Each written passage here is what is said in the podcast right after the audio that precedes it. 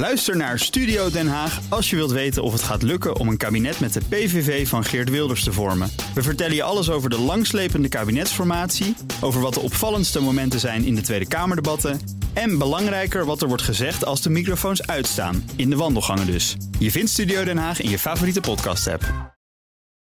De BNR Techniek Tour wordt mede mogelijk gemaakt door Techniek Nederland. De makers van morgen. BNR Nieuwsradio. De BNR Techniek Tour. Martijn de Rijk.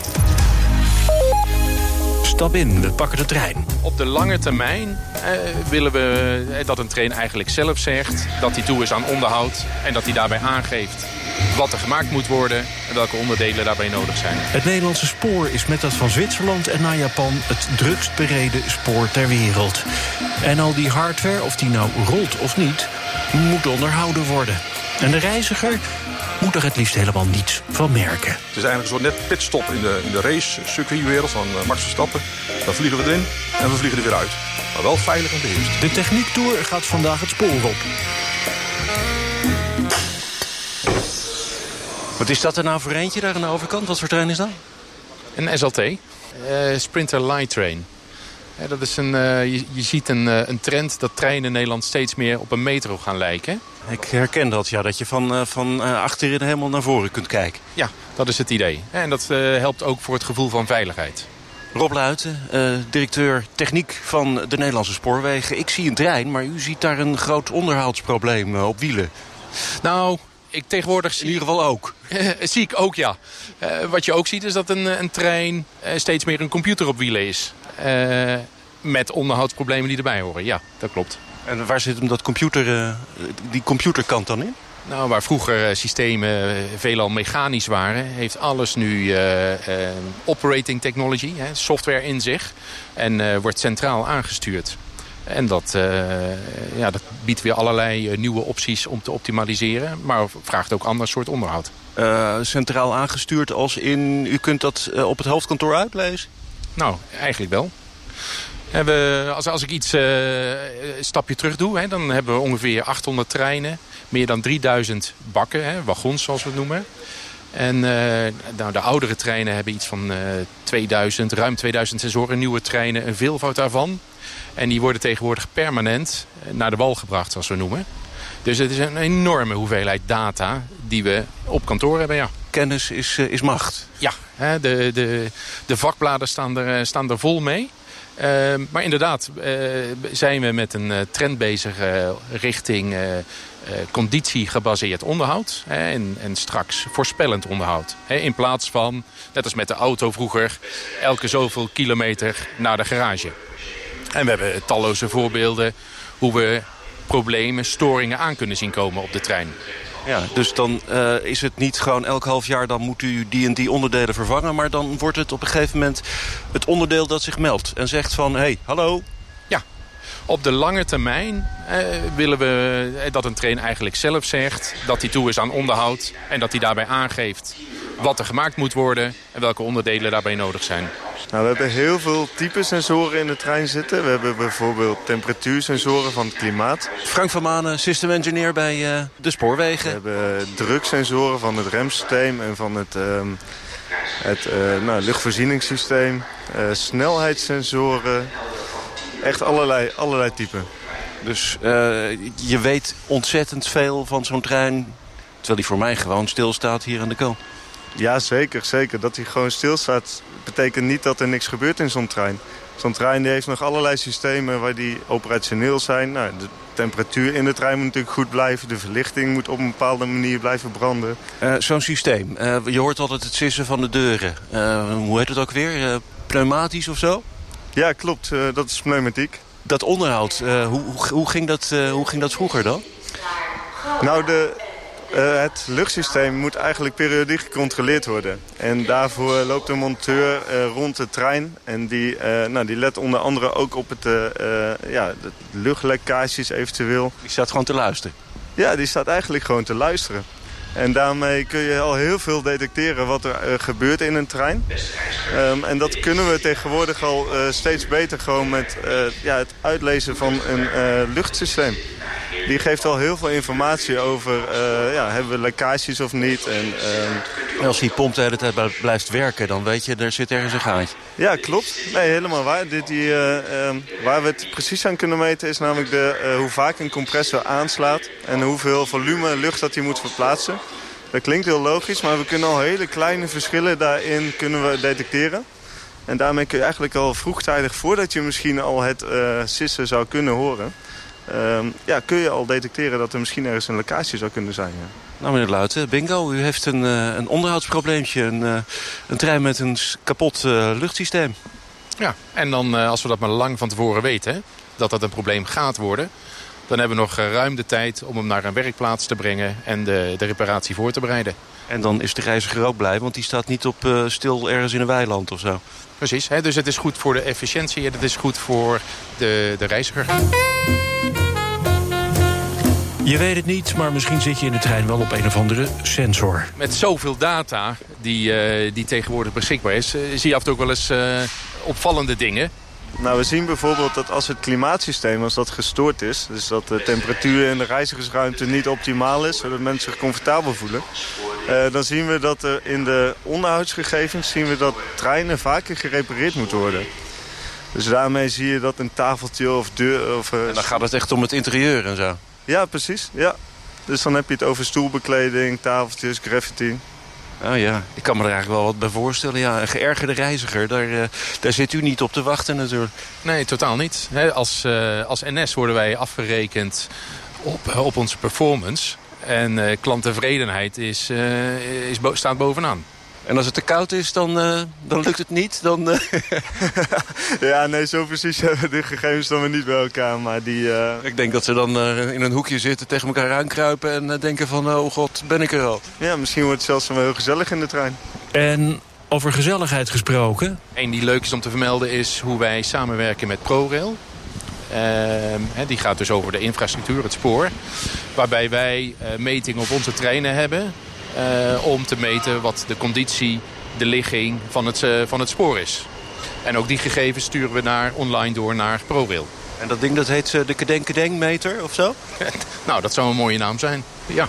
Want die luistert gewoon, toch? Nou goed, het formele naam is Camino, maar... Oké, okay, bijna. Nee, ja. Ehm, andersom doen we het ook, dat ProRail dingen voor ons meet. dus we hebben sensoren in het spoor die uh, iets kunnen zeggen over, uh, over de lagers in onze treinen. Uh, we hebben iets wat zegt hè, over de aslasten. dus hoe zwaar is een trein belast en is hij symmetrisch belast? Moeten we eventueel instellingen, mechanische instellingen veranderen? En nou, die sensor die kunnen we ook gebruiken direct voor de, voor de app voor de gebruikers. het zegt ook iets over hoeveel is een, is een wagon.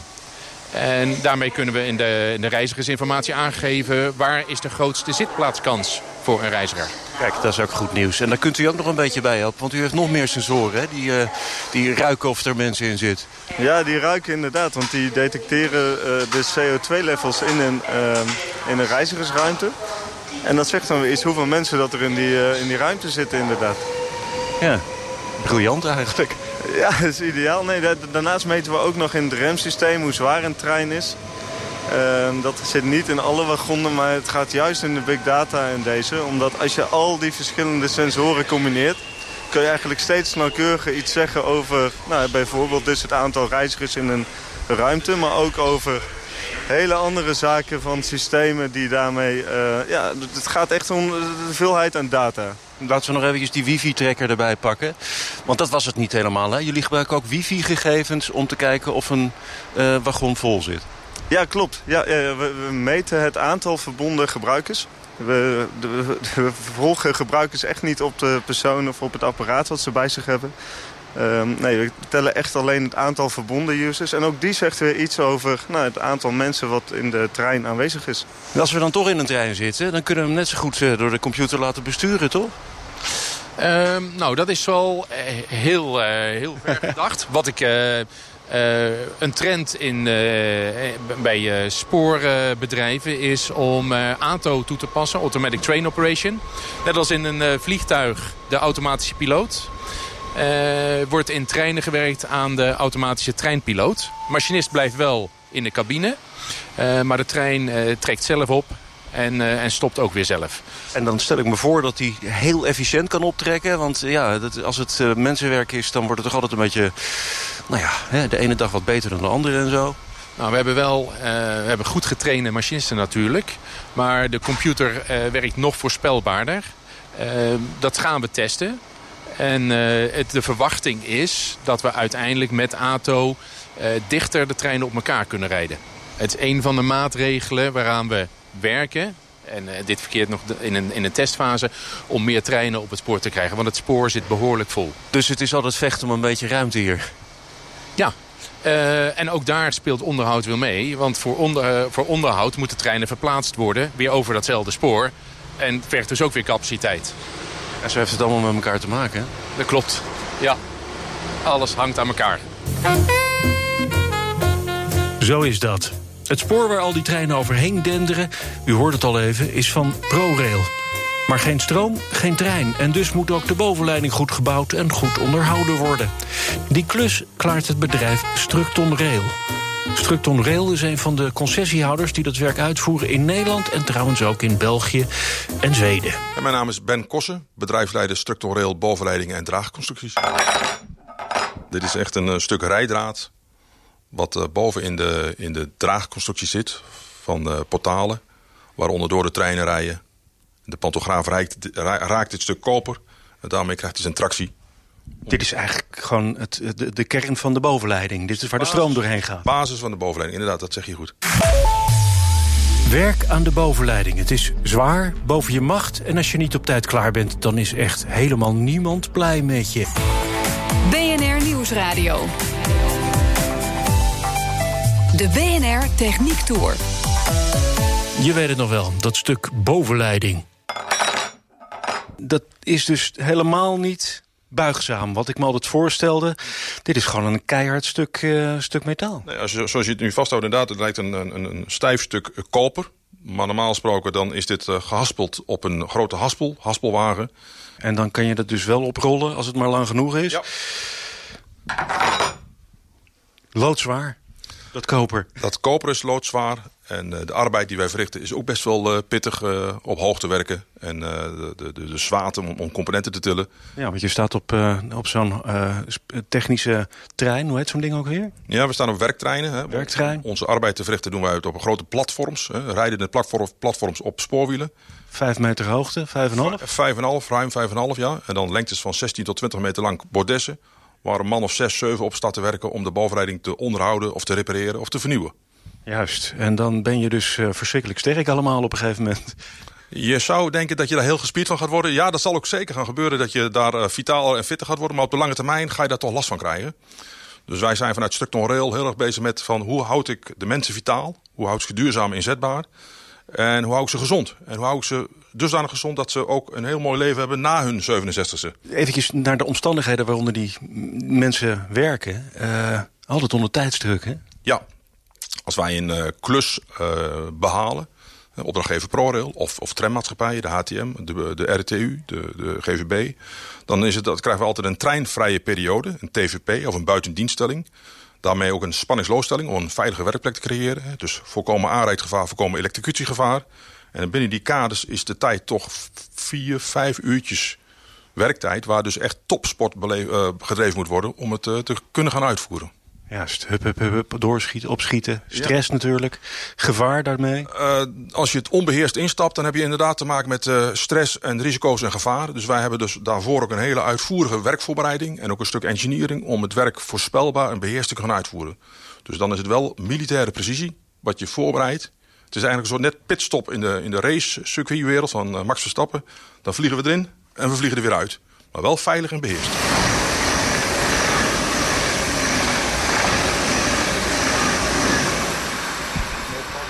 Ja, jongen, jongen, ik heb hier een ding in mijn handen. Wat, wat is dit? Ja, dit is een, een isolator. Dit is een van de vele componenten die de bovenleidingsmonteurs bouwen... in het bovenleidingssysteem van Nederland. En uh, zoals je ziet en, en ook hoort... Is er nogal een componentje. Kijk uit dat je niet door de tafel heen gaat met dat ding. Is het nogal een component, zoals je... Hè, dus het zit toch kilo of 20 zit je toch gauw aan een isolator. En als je vroeger gingen we elke dag hadden ze dat in de hoogwerkbak. Dan tilden we dat op uit de armen, uit de rug en monteerden dat boven onze macht in het systeem. Nou, als je dat jaren doet, dat in het begin, begin klinkt het allemaal heel sportief, maar op een moment krijg je daar gewoon last van. En daarom zijn we aan het nadenken geslagen uh, om, om, een, om het om wat fijner te maken voor de jongens. En hebben we onder andere het exoskelet geïntroduceerd. Nu nog een pilot. Zijn er volop aan testen van waar kunnen het werk functioneren op hoogte of op de grond met draagconstructies, tilwerksmeden, boven je machtwerksmeden. Waardoor je het gewicht toch voelbaar minder hebt in je schouder, in je, in je ellebogen, in je vingers. En op die manier kan je langer en duurzamer blijven werken. En dat exoskelet, dat is een ding wat je aantrekt. Een soort, uh, nou ja, het woord zegt het al een beetje. Een skelet aan de buitenkant. Ja, het is, een, het is echt een, een heel licht kunststof en aluminium uh, geheel. Dat trek je ook echt aan, alsof het een jas is. En dan gooi je dat ding gewoon zo naar je collega op vijf meter hoogte? Nee, dat is niet de bedoeling. We oh. hebben hele duidelijke spelregels en instructies hoe je met elkaar omgaat. Hoe je veilig werkt. En uh, we doen het allemaal beheerst. Ja, dat betekent dus dat je uh, eigenlijk hetzelfde tilt als normaal. Alleen het is gewoon allemaal lichter. Het voelt uh, ongeveer 2 tot 8 kilo lichter in, in, in, het, in het eindgewicht. Ja.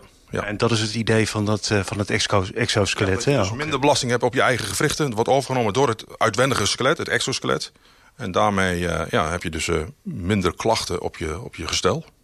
Kijk, en dat willen, willen, jullie natuurlijk. Want ja, technische mensen, ze zijn natuurlijk niet altijd dik bezaaid in, nee. in, in, het land. Nee, klopt. Dat is precies wat je zegt. Die zijn schaars, hè? vakmensen. we zitten dan in de wereld van energievoorziening. En daarbinnenin zitten wij dus in de tak van sport, bovenleidingen en draagconstructies. En daar jongelui vinden, of, of mensen van middelbare leeftijd met vakdeskundigheid, is lastig in deze tijd. Dus het moet ook, uh, we moeten het ook enthousiast maken voor de mensen. Het is niet alleen zware arbeid, het is ook leuke arbeid. 3, 2, 1. Nu wordt het dus eventjes heel futuristisch. Thunderbirds are go. We hebben nu ook een nieuw type hoogwerker, een skyrailer noemen we dat. Daar hebben we er nu drie van geleverd. één in Nederland en twee in uh, België. We gaan het dan een Skyrailer? Skyrailer, dat is eigenlijk een spoorse hoogwerker. Hoogwerker op spoorwielen. En dan, die is uh, ontworpen samen met de firma Neotech en met Structon... in de vorm dat je daar perfecte bovenleiding mee kunt onderhouden en ook vernieuwen. En wat is er zo uh, innovatief aan, uh, aan, de, aan de Skyrailer? Daar zit een, een, een hoogwerker heeft altijd een giek hè, waar, met een manbak... voor het omhoog heffen van mensen om op hoogte te kunnen werken, veilig. Maar de giek is nu dusdanig ontworpen dat hij zo min mogelijk objecten raakt van de bovenleiding... waardoor je in één keer goed op je positie kunt gaan werken als, als medewerker van de bovenleidingen. Dus hij dient je als het ware op een tabletje... Op tableau als het ware naar boven toe, tussen de bovenleidingen... en alle obstakels die je hebt, zonder het te raken. En, en je voorkomt beschadiging aan het systeem... maar vooral je hebt een betere houding uh, voor het werk. Ja, dat je niet zo boven je, boven je macht staat te werken. En dat dan weer in combinatie met het exoskelet. Maar de volgende stap is dat we het exoskelet willen samensmelten met het valharnas, figuurlijk. Waardoor je dus het harnas aangelijnd aan de bak, skelet om je heen. Waardoor je dus uh, veilig en vitaal op hoogte kunt gaan werken. Ik ben uh, Andres de Moestert, ik ben uh, projectleider bovenleiding. En ik uh, ben bij Structon verantwoordelijk voor de engineeringsafdeling.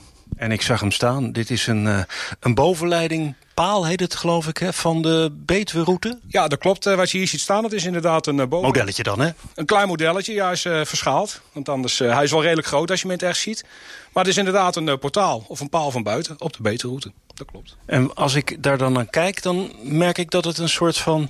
Ja, de hele bovenkant die kan opzij klappen. Het lijkt wel een windvaantje. Ja, nou, dat is geen windvaan. Uh, wat, uh, wat hebben we in Nederland? We hebben eigenlijk twee soorten systemen. We hebben een vast systeem en een beweegbaar systeem. Um, en het grote verschil daartussen is eigenlijk uh, de snelheid waarmee je eronder door kan rijden. En uh, hoeveel spanning je erop kan zetten. Oké, okay. en, en, en dan is de Betuwe-lijn? De Betuwe-lijn is beweegbaar en 25 kV. En dat houdt in? Dat houdt in dat het systeem uh, zo gemaakt is... dat het, uh, doordat het beweegbaar is, krijg je een heel elastisch bovenleidingssysteem. Want de pantograaf, dus de stroomafnemer op de trein... die moet de rijdraad kunnen volgen, hè, waar die de energie van krijgt. Uh, en dat kan het beste met een beweegbaar systeem. En daardoor kan je de harder onderdoor rijden. Oké, okay, want anders dan gaan de boel, gaat de boel stuk of zo? Nee, de boel gaat op zich niet stuk. Alleen dan krijg je vonkvorming. dat zie je heel goed als de ijsel op de, op de rijdraad zit. Dan gaat het vonken. En vonk is slijtage, want dan brand je uit de koperdraad weg. En dan kijk ik naar boven en dan heb ik het altijd het gevoel dat, dat, uh, dat die kabel als een strakke rechte draad boven het spoor hangt. Maar dat schijnt niet helemaal te kloppen, hè? Nee, dat klopt. Uh, als je bij het spoor staat, en je kan het heel goed bij een overweg zien... en dan uh, zie je dat de draad eigenlijk van links naar rechts over het spoor heen gaat. Hij zwabbert een beetje ja. boven het spoor, Ja, dat noemen ze de zigzag. Uh, het nut erachter is, er zit op de stroomafnemer van de trein... daar zit een koolstofstrip. En als je die dus alleen maar in een rechte lijn zou bereiden... dan slijt die strip veel te snel af. En dan moet je eerder de strip vernieuwen. En door hem in een zigzag te leggen, dus van links naar rechts slijt hij minder snel. Ja, ik had net zo'n strip in mijn handen en dat zie je nog. Dat is helemaal zwart. Ja, klopt. Uh, dat materiaal is van koolstof. En dat is uh, lekker zacht. Dat is zachter dan de koperdraad. Ja, het nadeel is, is dat het uh, mooi zwart wordt, net als bij een potlood. Hetzelfde materiaal eigenlijk. Ja. Wat, maar, maar ja, die hogere voltages en die hogere snelheden... dat is waar we naartoe gaan, hè? Ehm, gedeeltelijk. we willen wel meer treinen laten rijden uh, zwaardere treinen laten rijden. Dus dan heb je ook hogere voltages nodig. Uh, qua snelheid is het niet echt voor Nederland wenselijk. We hebben bijvoorbeeld HSL gebouwd voor 300 km per uur. Maar dat is maar een heel klein stukje waar je 300 kan rijden. Nee, dus dat zal niet zo hard nodig zijn? Nee, nee in principe niet. Nee. Nederland is niet zo groot. Ja, en het is een redelijk dure investering om 300 km per uur te kunnen rijden. Maar we doen het nu voor 200, hè? Ik heb uh, nou ja, uh, Van Bokstel, uh, nog niet zo lang geleden... de directeur van, van de NS, horen vertellen dat hij graag met 200 door Nederland crost. Ja, klopt. 200 kan. Het de HSL-systeem is ruim genoeg geschikt voor 200 km per uur. alleen de traditionele systemen niet. Die zijn begrensd en daar zouden dan kleine aanpassingen aan gedaan moeten worden... om daar 200 te kunnen rijden. Ja, wat voor aanpassingen zijn dat dan? Als ik hier nog even naar dit, ding kijk bijvoorbeeld. Nou, dit is van de beterroute, dus daar kan je in principe al wel richting de 200 km per uur onderrijden. Maar stel dat je het gewone normale systeem in Nederland hebt, het vaste systeem. Dat is maar tot 140 km per uur. Dan zou je hem en van vast naar beweegbaar moeten maken. En je zou de spanning moeten verhogen. Uh, alleen 25 kV zal het niet worden. We gaan waarschijnlijk naar 3 kV toe, wat onze zuidenburen in België ook kennen. Oké, kijk, dan zijn we tenminste een beetje compatible, zeg maar. Ja, inderdaad, dat klopt. Dus dan uh, heb je een gelijkspanningsniveau met bewelgen. Ja, met uh, in het achterhoofd uh, de uitzending van Arjen Lubach. Europa als lappendeken en ieder zijn eigen voltage. Ja, dat klopt. Maar vanuit de Europese regelgeving gezien... hebben we vier verschillende voltages die toegestaan zijn. Vier maar? Ja, vier. 1500 volt gelijkspanning. 25 kV wisselspanning. 3 kV gelijkspanning. En 15.000 volt wisselspanning. En wij willen naar... 3 kV gelijkspanning. En dan kunnen we met de zuiderburen uitwisselen? Dan knoop je hem letterlijk bij de zuiderburen vast. En dan zou een trein zonder moeilijkheden van Nederland naar België moeten kunnen rijden. Ja, en dan is er nog zo eentje. BIM, zo heet dat. Uh, bouwinformatiemodel. Is oh ja. Uh, hoe moet je dat zien? Uh, bij ProRail, we werken voor ProRail... wordt in principe alles uh, nog steeds in 2D getekend. Alles in het platte vlak. Um, en je moet de ontwerper maar op zijn blauwe ogen en zijn blonde haar geloven... dat hij geen probleem met andere disciplines heeft. Nou. Ja, en dan zit die, uh, dat portaal is dan geprojecteerd dwars door een uh, viaduct of zo. Ja, het zal niet de eerste keer zijn dat wij een, een portaal bovenop een kabelsleiding uh, kruising neer gaan zetten. Nou, dat willen we voorkomen in de, in de praktijk, hè, om de faalkosten en om de snelheid van het project erin te houden. Dus wat doen we dan? we gaan alles in 3D tekenen. Um, nou, het is een beetje innovatief bij ons. Want ja, de meeste componenten hebben we niet in 3D. Dus we hebben zelf een 3D-bibliotheek gemaakt. En dan is het idee dat elke discipline alles in 3D doet. Dus wij maken een 3D-ontwerp, spoor, kabels en leidingen. Die gaan we over elkaar heen leggen in een computerprogramma. En dan kan je er doorheen wandelen en dan kan je zien waar de clashes optreden. Dus waar zijn de problemen in het ontwerp... in plaats van waar zijn de problemen in de uitvoering. Kijk, en dat scheelt wel, want als je die clash gewoon op de, eh, op de computer hebt... dan kun je hem nog eventjes makkelijk uh, veranderen, hè? Ja, inderdaad, daar kan je hem veranderen. Dan wordt er gekeken van wie moet de clash oplossen. En een clash, dat is een botsing? Ja, in principe, eh, ik zet een, een betonnen blok zet ik op een kabel, uh, een kabel neer en dat willen we niet. Nee. Dus dan wordt het ontwerp aangepast, waardoor die clash eigenlijk opgelost wordt. En als we dan buiten alles gaan maken zoals het op die tekeningen staat... dan krijg je een beetje het plug-and-play principe. Je zet het neer, je doet de stekker erin en het moet functioneren. Uiteindelijk is alles Lego. Uiteindelijk zijn het allemaal Lego-blokjes, ja. Ja, in de basis wel, dat klopt, ja. Ja, helemaal. Het volgende station is Amsterdam-Amstel. Zo, de bovenleidingen zijn goed ontworpen en onderhouden. Die leveren stroom voor treinen die als ware data-goudmijntjes door het land razen. De techniektour zit erop. We zijn weer thuis. Denkt u eraan om uit te checken bij uw aankomststation of als u overstapt naar een andere vervoerder. Volgende week gaan we concertzalen bouwen met een briljante akoestiek wel te verstaan. De BNR Techniek Tour wordt mede mogelijk gemaakt door Techniek Nederland. De makers van morgen. Ook Liesbeth Staats vind je in de BNR-app. Ja, heel handig. Luister live naar Kees en mij tijdens de Daily Move. Dan blijf je ook gelijk op de hoogte van breaking news en het laatste zakelijke nieuws. En daar vind je ook alle BNR-podcasts, waaronder de Perestrooikast. Download nu de gratis BNR-app en blijf scherp.